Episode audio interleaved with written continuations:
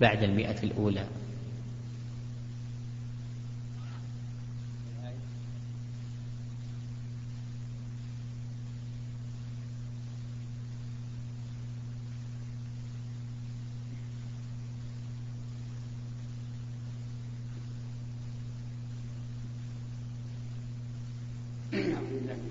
بسم الله الرحمن الرحيم. الحمد لله رب العالمين وأصلي وأسلم على نبينا محمد خاتم النبيين وعلى آله وأصحابه ومن تبعهم بإحسان إلى يوم الدين. أما بعد فهذا هو اللقاء الثالث والسبعون بعد المئة من اللقاءات المعبر عنها بلقاء الباب المفتوح التي تتم كل يوم الخميس. وهذا الخميس هو الرابع من شهر شعبان عام ثمانية عشر وأربعمائة وألف.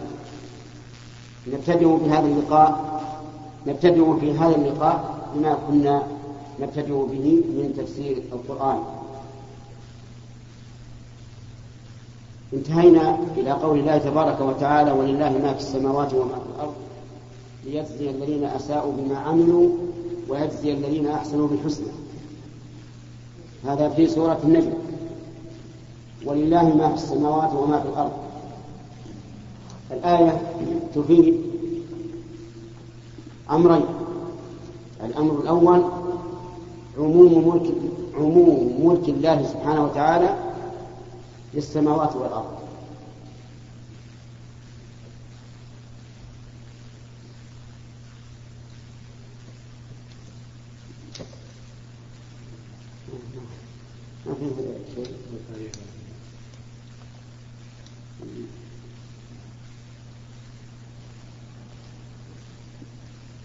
هذه الآية تفيد أمرين الأمر الأول عموم ملك السماوات عموم ملك الله سبحانه وتعالى لما في السماوات والأرض. يؤخذ هذا العموم من قوله ما في السماوات. لأن ما إيش هي؟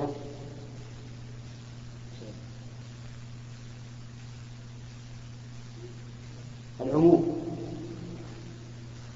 والأمر الثاني اختصاص ملك اختصاص ملك السماوات والأرض لله لله عز وجل. تؤخذ من من تقديم الخبر. ولله ما في السماوات. والعلماء يقولون إن تقديم ما حقه التأخير يفيد العموم. وهذه قاعدة بلاغية لغوية. ولها أمثلة كثيرة. منها هذه الآية. ومنها قوله تعالى إياك نعبد وإياك نستعين. إياك هذه مفعول مقدم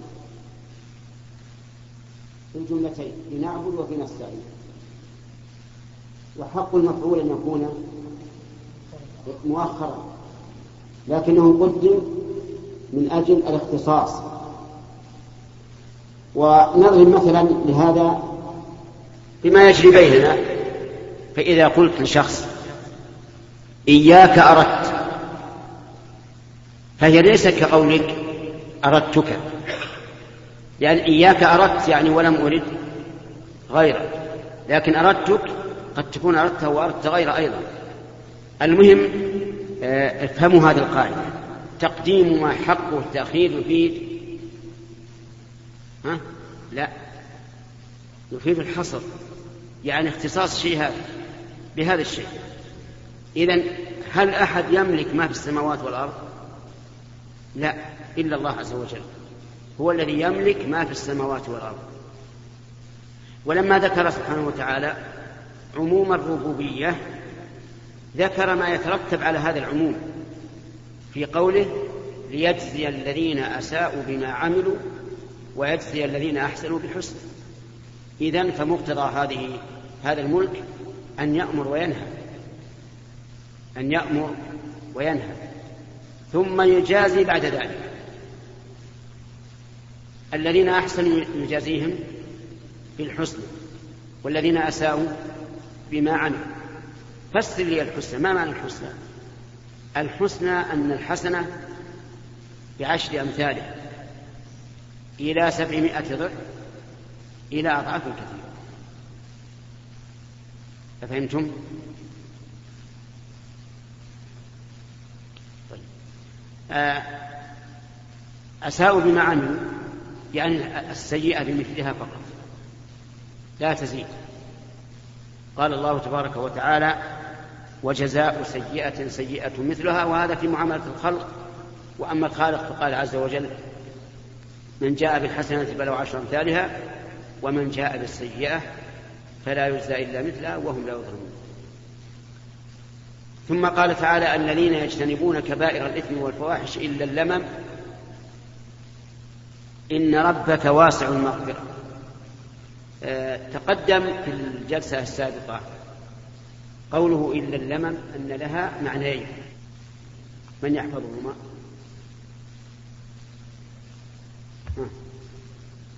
إلا اللمم يعني الصغائر.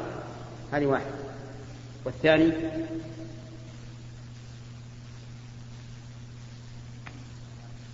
لا.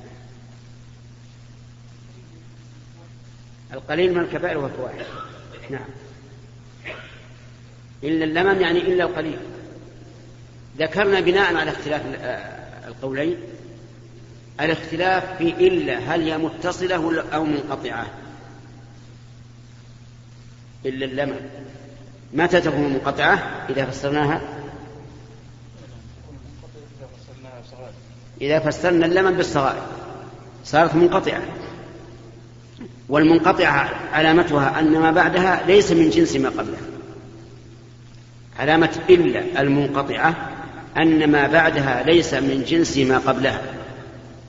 فمثل إذا كبائر الإثم والفواحش إلا اللمم إذا قلنا اللمم الصغائر فهل الصغائر من الكبائر والفواحش؟ لا. إذا قلنا المراد باللمم القليل من الكبائر والفواحش صارت إلا متصلة لأن اللمم القليل مما سبق فهو من جنسه إذا الاستثناء عندنا يكون منقطعا ويكون متصلا. فما هو المتصل؟ إذا كان المستثنى من جنس المستثنى منه فهو متصل. وإذا كان من غير جنسه فهو منقطع. وإليك ما مثل به النحويون يقولون إذا قلت جاء القوم إلا أميرهم. الاستثناء؟ الاستثناء. لماذا؟ لأن الأمير من الجنس منهم. وقالوا إذا قلت جاء القوم إلا حمارا. فالاستثناء منقطع. لأن الحمار ليس من جنس القوم طيب. ثم قال عز وجل إن ربك واسع المغفرة. إشارة إلى أن الصغائر تغفر وقد ثبت في القرآن الكريم أن الصغائر تغفر باجتناب الكبائر. فقال جل وعلا إن تجتنبوا كبائر ما تنهون عنه, ما تنهون عنه نكفر عنكم سيئاتكم وندخلكم مدخلا كريما. ولهذا قال إن ربك واسع المغفرة أما إذا قلنا اللمم القليل من الفواحش والكبائر فتكون الإشارة فيكون قوله إن ربك واسع المغفرة إشارة إلى أن الكبائر إذا تاب الإنسان منها غفر الله له. وكأنها لم تكن وإن لم يتب منها فهو تحت المشيئة. إن شاء الله غفر له وإن شاء عاقبه بما تستحق هذه الكبيرة. فيه قوم من هذه الأمة يقولون إن الكبيرة لا تغفر. لا تغفر. من هم؟ الخوارج والمعتزلة. شوف الخوارج والمعتزلة هو الإنسان إذا زنى خلاص من, من, من أهل النار. وهو كافر. إذا سرق كذلك إذا شرب الخمر كذلك. لكن قولهم باطل. والصواب أن أن فاعل الكبيرة داخل تحت قوله تعالى إن الله لا يغفر أن يشرك به ويغفر ما دون ذلك لمن يشاء. لو قال قائل أنت إذا قلت هذا فتحت الباب على مصراعيه لفعل الكبائر. لأن أي إنسان يفعل كبيرة يقول أنا يغفر يمكن يغفر الله لي. أفهمتم؟ وهذا فعلا يحتج به العوام يقول إذا كان الله يقول ويغفر ما دون ذلك لمن يشاء أي ما دون الشرك لمن يشاء إذا سيفعل الكبائر ويقول يغفر الله لي فهمت؟ هذه حجة كيف تجيبه؟ أنت من من طلاب العلم ولا من المستمعين؟ طيب نجيبه بأن الله قال يغفر ما دون ذلك ما قال لكل أحد. قال لمن يشاء. فهل أنت تتيقن الآن أنك ممن شاء الله أن يغفر له؟ أحد يتيقن هذا؟ لا أحد يتيقن. إذا لا حجة في هذه المعاصي. ثم إن قوله تعالى لمن يشاء. نعلم أن الله حكيم. لا يشاء أن يغفر لمن للمذنب غير الشرك إلا إذا اقتضت الحكمة ذلك. ومن منا يستطيع أن يقول إن حكمة الله تقتضي أن يغفر لي؟ لا أحد. لا أحد يقول هذا. بل لو قال هذا لقلنا إن قولك هذا من أسباب المؤاخذة والمعاقبة. لأنك تأليت على الله. ثم قال عز وجل هو أعلم بكم إذ أنشأكم من الأرض. أعلم بنا من ذلك الوقت الطويل البعيد. إذ أنشأكم من الأرض. بماذا؟ بخلق أبينا آدم. لأن آدم خلق من التراب. تراب ثم صار طينا ثم صار صلصالا ثم خلقه الله بيده جسما ونفخ فيه الروح. فصار إيش؟ فصار آدميا إنشاء إنسانا. هذا إذ أنشأكم من الأرض. أول النشأ. إذا نحن من الأرض. سبحان الله. نحن من الأرض؟ نعم نحن من الأرض. منها خلقناكم وفيها نعيدكم ومنها نخرجكم تارة أخرى الإخراج الذي ليس بعده وفاة. يوم القيامة. آه، إذ أنشأكم من الأرض. ولذلك الآن بنو آدم كالأرض تماما. فيهم الحزن الصلب الشديد وفيهم السهل. وفيهم ما بين ذلك. وفيهم الأبيض فيهم الأحمر فيهم الأسود. لأن الأراضي إيش؟ تختلف هكذا. وقد ذكر أن الله لما أراد أن يخلق آدم أخذ من كل الأرض. كل الأرض. سهلها وحزنها أسودها وأبيضها وكلها. إذ أنشأكم من الأرض وإذ أنتم أجنة في بطون أمهاتكم وهذه النشأة الثانية. أجنة جمع جنين وهو الحمل وسمي الحمل جنينا لأنه مستتر. إذ أنتم أجنة يعني مستترين في بطون أمهاتكم. من وإلى؟ أسأل. إيه من؟ منين؟ من حين أن كان الإنسان نطفة. ومن النطفة يخلق. وهذا معنى قوله ثم جعلناه نطفة في قرار مكين. فمن حين ما يكون نطفة يكون جنينا ثم يتطور. كم طورا؟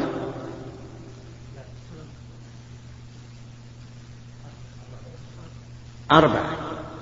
أولا نطفة ثم علقة ثم مضغة مخلقة وغير مخلقة ثم أنشأناه خلقا آخر. الطور الأخير الذي فيه آه، تحل فيه الروح. إذن هو عالم بنا حين النشأة الأولى وحين النشأة الثانية في بطون أمهاتنا. وإذا آه، أنتم أجنة في بطون أمهاتكم فلا تزكوا أنفسكم. لا تزكوها وتقول عملت كذا وكذا صليت زكيت صمت جاهدت حججت لا تقول هكذا. تدل على بعملك على ربك. هذا لا يجوز. فإن قال قائل أليس الله يقول قد أفلح من زكاها؟ فالجواب بلى.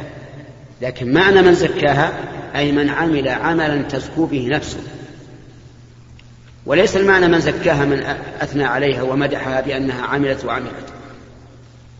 بل المراد عمل عملا تزكو به نفسه.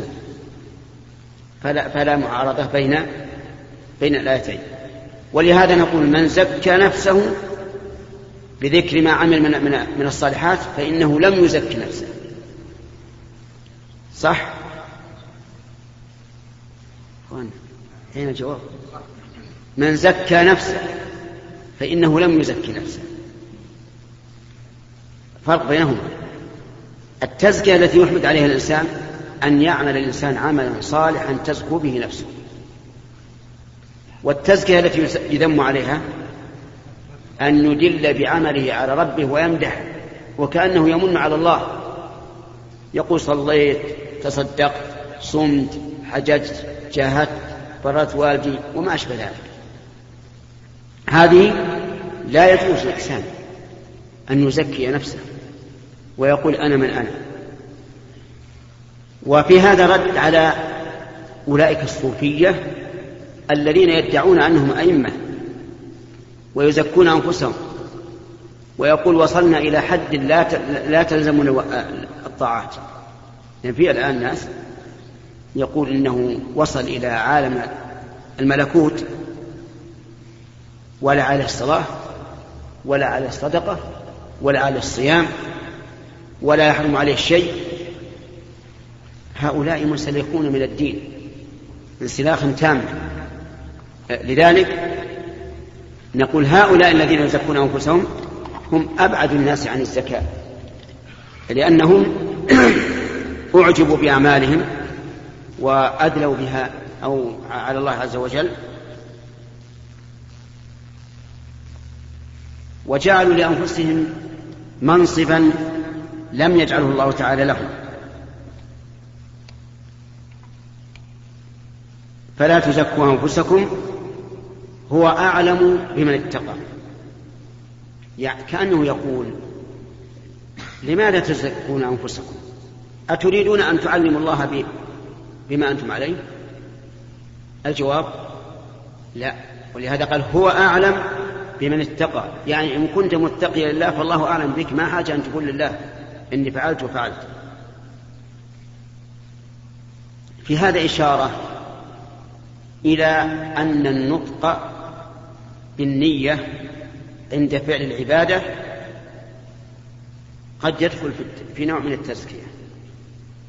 يعني إذا أردت توضأ هل تقول اللهم إني نويت أن أتوضأ؟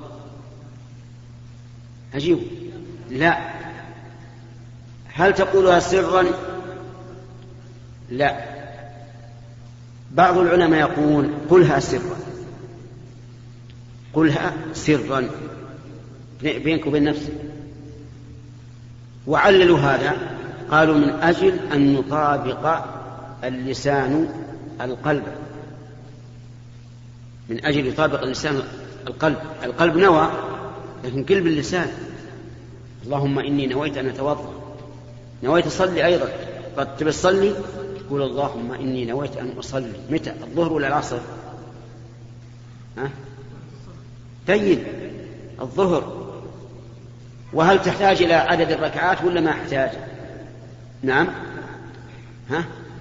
لا لا تحتاج. لا تحتاج إلى عدد لك ما دام عينت يكفي. بعض العلماء يقول هكذا يا أخوان. علماء. أجلة من الفقهاء. التعليل ليش يعني؟ ليش ننطق باللسان؟ عجيب. لتطابق القول القلب واللسان. فيقال هذا غلط. هذا قياس في مقابلة النص. هل الرسول عليه الصلاة والسلام شرع لأمته أن ينطقوا بالنية؟ أبدا. لا في حديث لا صحيح ولا ضعيف أن الإنسان إذا أراد العمل نطق بالنية أبدا. ما يوجد. ومن الطرف الطريفة أن رجلا في المسجد الحرام عام سمع شخصا يريد أن يصلي. فقال بعد أن أقيمت الصلاة اللهم إني نويت أن أصلي الظهر أربع ركعات في المسجد الحرام. لما أراد يكبر قال له باقي عليك. قال وش الباقي؟ باقي التاريخ. نعم. باقي التاريخ.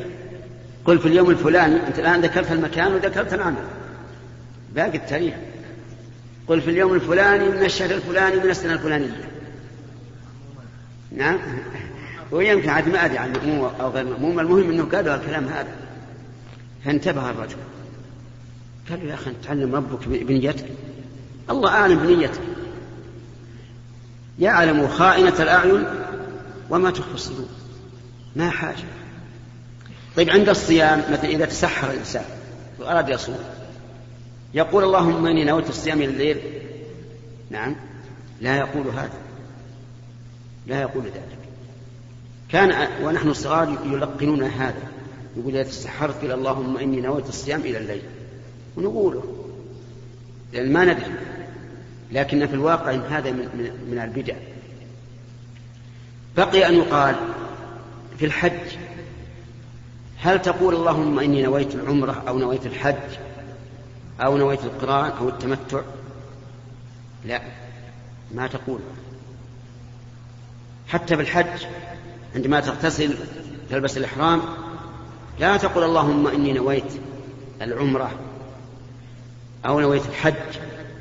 تكفي التلبية لأنك سوف تقول إيش؟ لبيك عمرة إن كنت في عمرة أو لبيك حجا إن كنت في حج أو لبيك عمرة وحجا إن كنت قارنا. فلا حاجة. فكل العبادات لا ينطق فيها بالنية. ولهذا قال عز وجل هو أعلم بمن اتقى. ثم قال تعالى أفرأيت اقتصر على هذا؟ نقتصر على هذا من أجل الأسئلة. فنبدأ من اليمين للضيوف فقط.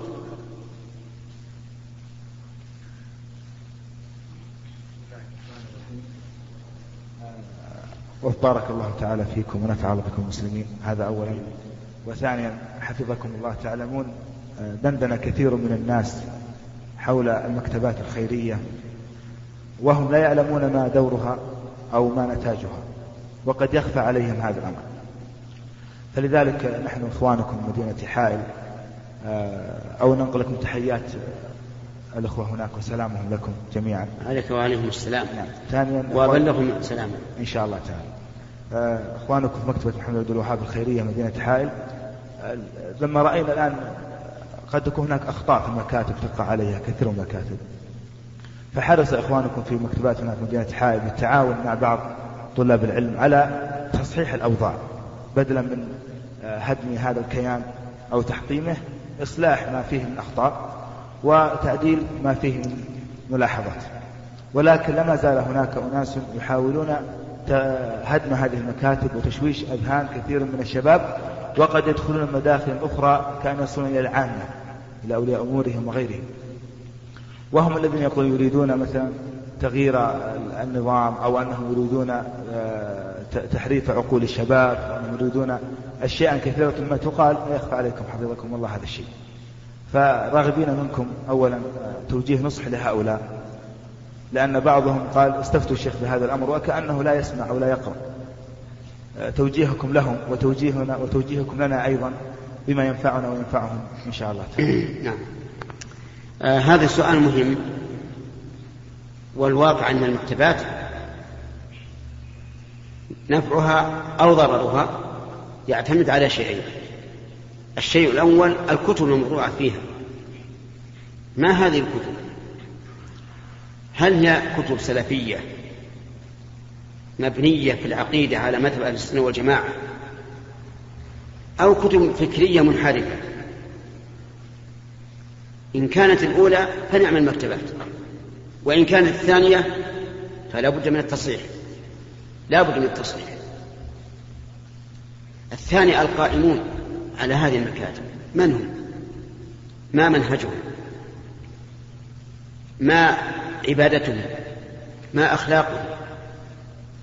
لا بد أيضا أن يكون القائمون عليها ممن يوثق بهم علما ودينا وخلقا ومنهجا.